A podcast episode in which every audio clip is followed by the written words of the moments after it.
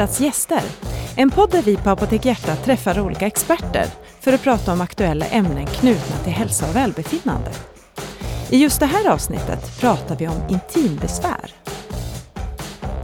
Hjärtats gäster med Annika Svedberg, chefsapotekare på Apotek Hjärtat och Katarina Claesson, apotekare och chef för läkemedelsinformation på Apotek Hjärtat.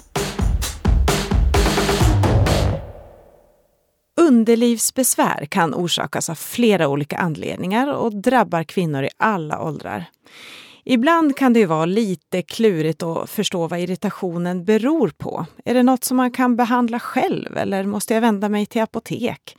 Eller kanske till och med till en läkare? Och hur gör man då på bästa sätt för att eh, behålla ett välmående underliv och se till att inte drabbas av diverse olika problem? Ja, det här och mycket mer hoppas vi få svar på idag när vi har bjudit hit Katarina Claesson. Varmt välkommen till Hjärtats gäster Katarina! Tack! Jag får säga välkommen igen, för du har varit med i ett tidigare avsnitt, eller hur? Ja, precis. Vad pratade vi om då? Då pratade vi om löss, eh, hårlöss och eh, springmask var det. Precis, mm. ja det var med fokus på vad man kan drabbas av eh, vid eh, eh, skolstart, eller hur? Exakt. Mm, just det. Mm. Men nu ska vi prata om intimbesvär och det här är ju verkligen någonting som många som jobbar på apotek pratar om varenda dag. Många kan ju uppleva av kunderna det här som ganska pinsamt och jobbigt att prata om. Mm. Men eh, på apotek som farmaceut tycker man inte att det är så pinsamt, eller hur? Nej, precis. Det är ju ett väldigt vanligt problem och många som drabbas. Och vi träffar ju kunder dagligen som har de här problemen. Så för oss är det ju ingenting konstigt alls, skulle jag säga. Man mm. får ju vara lite lyhörd och så ställa försiktiga frågor. Eh, man kanske får gå fram till hyllan och, och, fråga kunden som står där och ser lite velig ut om de behöver hjälp. Mm. Eh, men, och visa att det inte är pinsamt för mig, för då mm. brukar också kunder känna förtroendet att man vågar faktiskt fråga. Mm. Precis. Vad kan vara anledningen till att man, man får klåda och irritation i underlivet? Ja, men det kan ju finnas flera orsaker till det. Eh, det skulle kunna ha att göra med en svampinfektion som ger klåda. Det kan vara urinvägsinfektioner till exempel. Eh, det kan också handla om att man har kommit till klimakteriet och kanske kommit efter klimakteriet och fått torra sköra slemhinnor. Eller så är det helt enkelt så att man tvättar sig för ofta och med fel produkter så att man irriterar underlivet och får eh, klåda därför och irritation. Mm. Mm. Ja, det tror jag är ganska vanligt att man använder tvål helt enkelt. För det det är inte det man ska använda, eller hur? Nej, men precis. Vanlig tvål är ju uttorkande. Och det finns ju jättemycket bra produkter idag för underlivet som är anpassade för att bibehålla eh, pH-balans och så vidare. Och eh, nej, vanlig tvål är inte att rekommendera. Nej. Förutom då klåda irritation, är det andra vanliga besvär som man får höra om på apoteken? Ja, det vanligaste skulle jag nog säga är det här med klåda, sveda, irritation. Eh, det som kanske hänger ihop med en svampinfektion. Mm. Flytningar kan det ju vara. Eh, och sen också det här med torra slemhinnor, att man har problem med att det är så torrt och att det då kanske är just efter klimakteriet. Mm. Mm. Varför är det så att man, man eh, drabbas av torra slemhinnor just vid klimakteriet? Vad är det som händer i kroppen då? Ja, under klimakteriet så minskar ju kroppens östrogenproduktion. Östrogen är ju det kvinnliga könshormonet. Mm. Och när man har kommit ur klimakteriet efteråt där så har man en mycket lägre östrogenhalt i kroppen. Och det påverkar då bland annat slemhinnorna i underlivet. Mm. Så att de blir torra, sköra. Eh, man får den här torrhetskänslan, det skaver kanske. Man kan få små blödningar. Det kan vara, eh, göra ont vid samlag till exempel. Mm. Och det här ökar också risken för urinvägsinfektion när man får så här torra slemhinnor. Mm. Mm. Och, och, vad gör man då åt det? Vad kan man... Och om, vi, om vi fokuserar just på den situationen där du är i klimakteriet, där torrheten beror just på det, att du har lägre östrogennivåer. Ja, precis. Eh, och vet man att det handlar om efter klimakteriet, mm. och just med östrogener, så mm. finns det ju bra läkemedel idag som man kan köpa receptfritt som innehåller östrogen. Eh, och de behandlar man direkt i underlivet med, som man brukar säga att man behandlar lokalt. Eh, det mm. kan vara kräm och det kan vara vaginaltabletter som man stoppar in i slidan. Då. Mm. Och då, då ersätter man det östrogen som kroppen har slutat producera. Eh, och då motverkar man också de här symptomen så att slemhinnorna blir tjockare, de blir mer elastiska och fuktigare. Man får tillbaka liksom som det var innan klimakteriet kan man säga. Då. Mm. Eh, och det som jag brukar säga är att första gången man ska behandla sig så är det bra att man har haft en kontakt med sin läkare eller med sjukvården då, för att se att det verkligen är det här så att man behandlar rätt sak. Mm. Och sen ska man förstås också uppleva att det hjälper. Så hjälper det inte på ett antal veckor så ska man också söka vård. Kolla upp varför, varför hjälper inte de här produkterna. Men annars är det väldigt bra produkter som har god effekt eh, mm. mot de här symptomen. Då. Mm. Mm. Och de, de som då är lite rädda för östrogen, vad säger du till dem? Ja, men eftersom man just bara behandlar lokalt på plats i slidan där man har de här symptomen så tas det upp väldigt lite östrogen i kroppen. Så det är inte alls samma risker som det är om man, om man stoppar i sig som en tablett östrogen istället. Mm. Och sen är ju den här risken främst om man behandlar mer än fem år, även när man stoppar igenom munnen. Mm. Eh, så det är inte så farligt. Nej. Det kan vi också hänvisa till en eh, podd som vi spelade in för ett par år sedan kring eh, klimakteriet. Där vi intervjuar en gynekolog. Där vi pratar just om det här med hormonbehandling. Eh, mm. Så det finns ju att köpa receptfritt då på apotek, de här mm. produkterna mm. som du pratar om nu. Ja, och precis. Och det är ju bra att be om råd där. Vad passar mig och vad ska jag välja för något? För det finns ett antal olika produkter. Mm. Eh, och det kan också vara bra att veta när på dygnet ska jag ta dem och hur ofta och så vidare.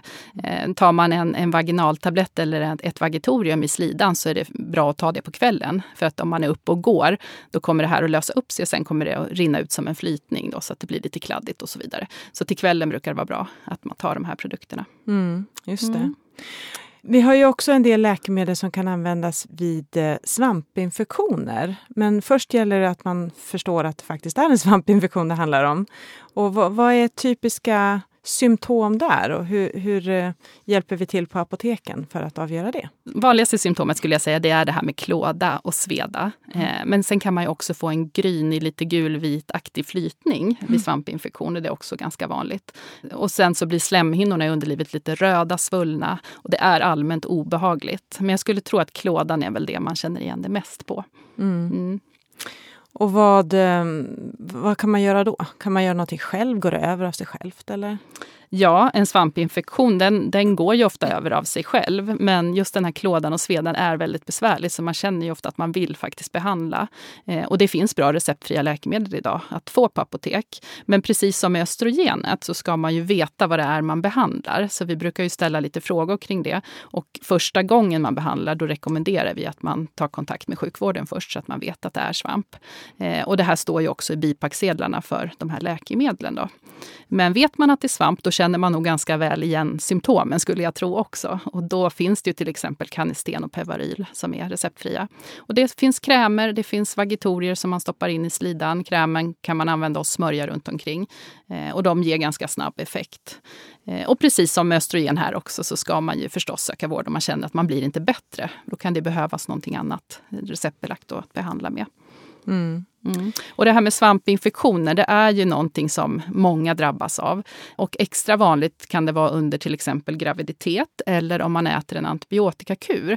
För båda de eh, tillstånden rubbar normalbakteriefloran som vi har i underlivet och då är det lättare för de här svamparna att eh, orsaka en svampinfektion. Mm. Mm.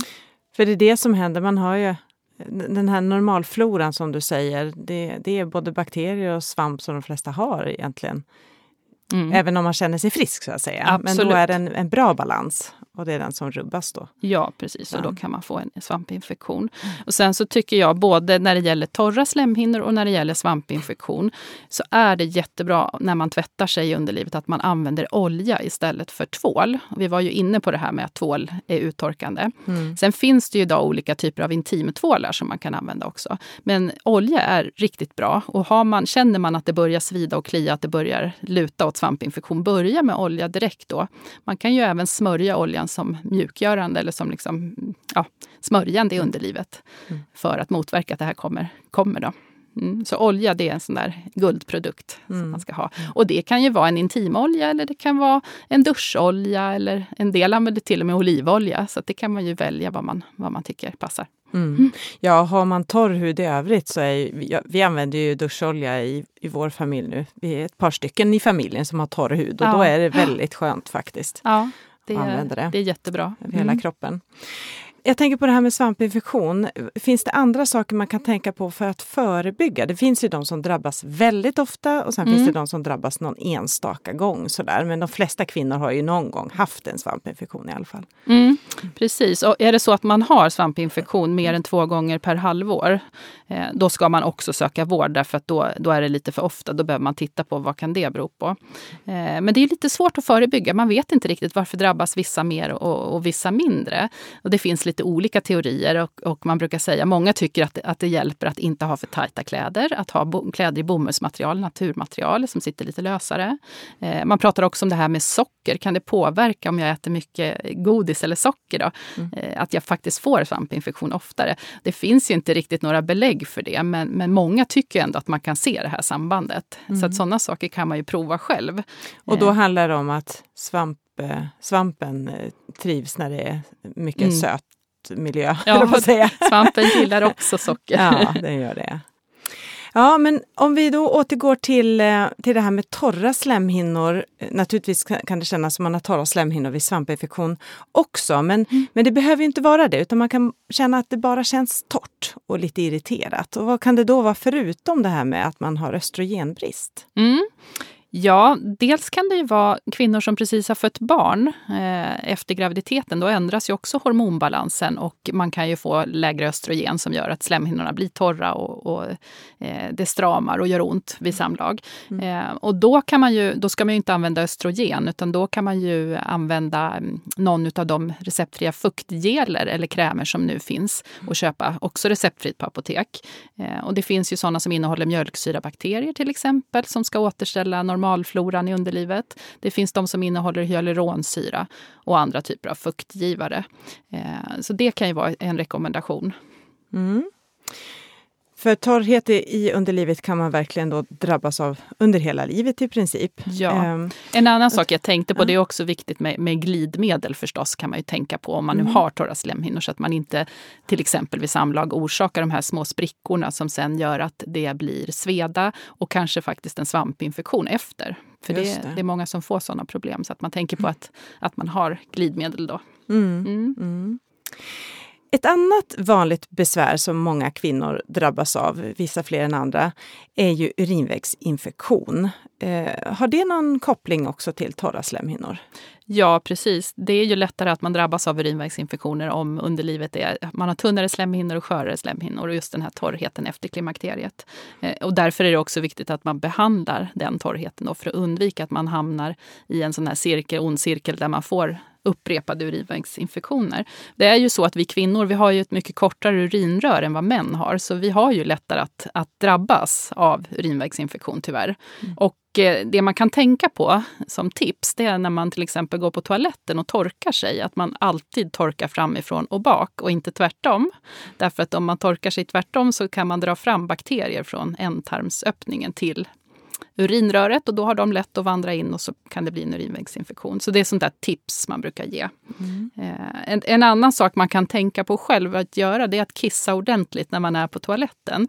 Eh, och har man svårt att få ut all urin så kan man resa sig upp och sen sätter man sig igen och kissar ut det sista. Så att det inte ligger kvar och skvalpar i urinblåsan. För då är det också ökad risk att man kan få en urinvägsinfektion. Mm. Mm. Men sen handlar det ju mycket om det här med slemhinnorna som jag var inne på där. Att se till att man har starka och, och tjocka och elastiska slemhinnor så att det mm. står emot. Mm. Mm. Finns det någonting där som man kan ta som förebyggande också? För urinvägsinfektioner. Ja, ja. det är ju lite olika bud på vad, vad, man säger kring olika saker. Tranbär är ju en sån där sak som många tänker att det kan hjälpa och det är också traditionellt så att man använder. Mm. Det finns ju egentligen inte dokumenterat att det verkligen hjälper. Då skulle det vara väldigt, väldigt stora mängder. Mm. Men jag vet att bland annat i Norge så rekommenderar man ju det. Och i sjukvården gör ju det här ibland också. Mm. Så det är en sån sak. Dricka mycket som man sköljer igenom. Men annars är det väl just det där att försöka kissa ut allt som jag var inne på och mm. torka sig på rätt sätt. Ja, mm. just det. Om du då ändå känner att nej, det här är nog en urinvägsinfektion, eh, när ska du vända dig till vården? När, i, I vilket skede så att säga? Ja, för en vanlig urinvägsinfektion, om man tänker som bara drabbar urinblåsan, den går ju över. Man brukar kalla det för blåskatarr eh, av sig själv och det behöver ju inte behandlas. Utom i vissa fall. Då. Är man gravid så ska man söka vård, för då ska man behandla. Eh, är man barn eller tjej under 15 år ska man också behandla. Och sen om man börjar få mer symptom, man märker att det här går inte över, det blir snarare värre. Man kanske får feber, jätteont i, i buken eller nedre delen av magen. Eh, man kanske får blod i urinen, då ska man självklart söka vård. För att en urinvägsinfektion kan ju vandra upp till njurarna också. Då måste man behandla med antibiotika så att man får bort det. Mm. Eh, så känner man att det blir värre, att man mår sämre, ska man ju söka vård. Men känner man att det går några dagar och det blir bättre, ja men då, då håller det på att läka ut av mm. sig själv. Mm. Något som många kvinnor gör så här so under sommartiden, det är ju att eh, raka bikinilinjen också. Och då är vi ju säkert många som har drabbats av de där små röda prickarna. Eh, mycket irriterande. Mm. Vad gör man för att undvika det om man får de här små irrita irriterade små fläckarna eller prickarna, hur ska man hantera det, behandla dem? Ja, det handlar ju också, det är mycket som handlar om det här med bakterier och bakterieflora. Och det handlar ju om att om man rakar sig så blir det ju lätt små, små sår i huden. Och då kan de bakterier som vi normalt har på huden tränga in där. Och så blir det som små inflammationer i huden. Då. Eh, så man kan tänka på att försöka använda, att inte använda engångsrakhyvlar till exempel. De kan vara för vassa och det är lättare att man skadar sig. Och att se till att huden är fuktig när man rakar sig, så man inte rakar på torr hud. För då är det också mycket lättare att man skär sig. Och sen förstås använda en rak gel så att hyveln glider på huden. Mm. Eh, mm. och eh, man kan tänka också på att man gör rent sin rakhyvel så att man får bort alla hudrester och sånt här till nästa gång man ska använda den. För annars kan man ju föra in skräp i huden nästa gång man rakar sig, om den är mm. full med klägg. Mm. Ehm, mm. Men har man ändå fått de här prickarna så är det ju bra att vila huden och inte raka igen förrän det har läkt ut så att huden faktiskt får vila sig och läka. Då. Och eh, man kan smörja på mjukgörande kräm med propylenglykol för det brukar vara bra för att motverka hudinfektioner och hudinflammationer. Och har man riktiga besvär så kan man köpa klorhexidin receptfritt på apoteket. Det är ju bakteriedödande och så baddar man med det eh, ja, i två veckor ungefär sådär. Mm för att få bort det här. Men som sagt, har man fått prickar så behöver ju huden vila sig så att man inte rakar på och rakar på eh, igen. Mm. Mm. Ja, då har vi fått många bra tips eh, som gäller underlivet men, och, och underlivsbesvär. Men det viktiga är ju på något sätt att försöka undvika att få besvär överhuvudtaget. Och vad skulle du säga Katarina, vad är dina bästa tips? Vad har du för favoritprodukter som du rekommenderar? Mm, olja är min absoluta favoritprodukt. Eh, som jag sa förut så kan man ha en intimolja eller en, en duscholja, det spelar ju ingen roll. Men, men att tvätta sig med den istället för olika typer av tvålar, det tycker jag är, verkligen fungerar. Känner man att det börjar kännas irriterat, smörj med olja eller tvätta med olja. Så kan det göra så att det faktiskt inte blommar ut. Så olja, det tycker jag man alltid ska ha hemma, det funkar bra. Mm. Sen tycker jag ju att de här nyare intimgelerna som finns nu, som är lite svalkande, också är väldigt bra. Eh, och de är ju också sköna om man har, har haft en svampinfektion eller har klåda och sveda. Mm. Det är väl de två jag skulle rekommendera. Ja. Så se till att fylla på i badrummet hemma med mm. olja och gel. Så det får väl eh, sammanfatta vår lilla intima stund här. Tack så jättemycket för att du kom Katarina och delade med dig av dina kunskaper. Tack!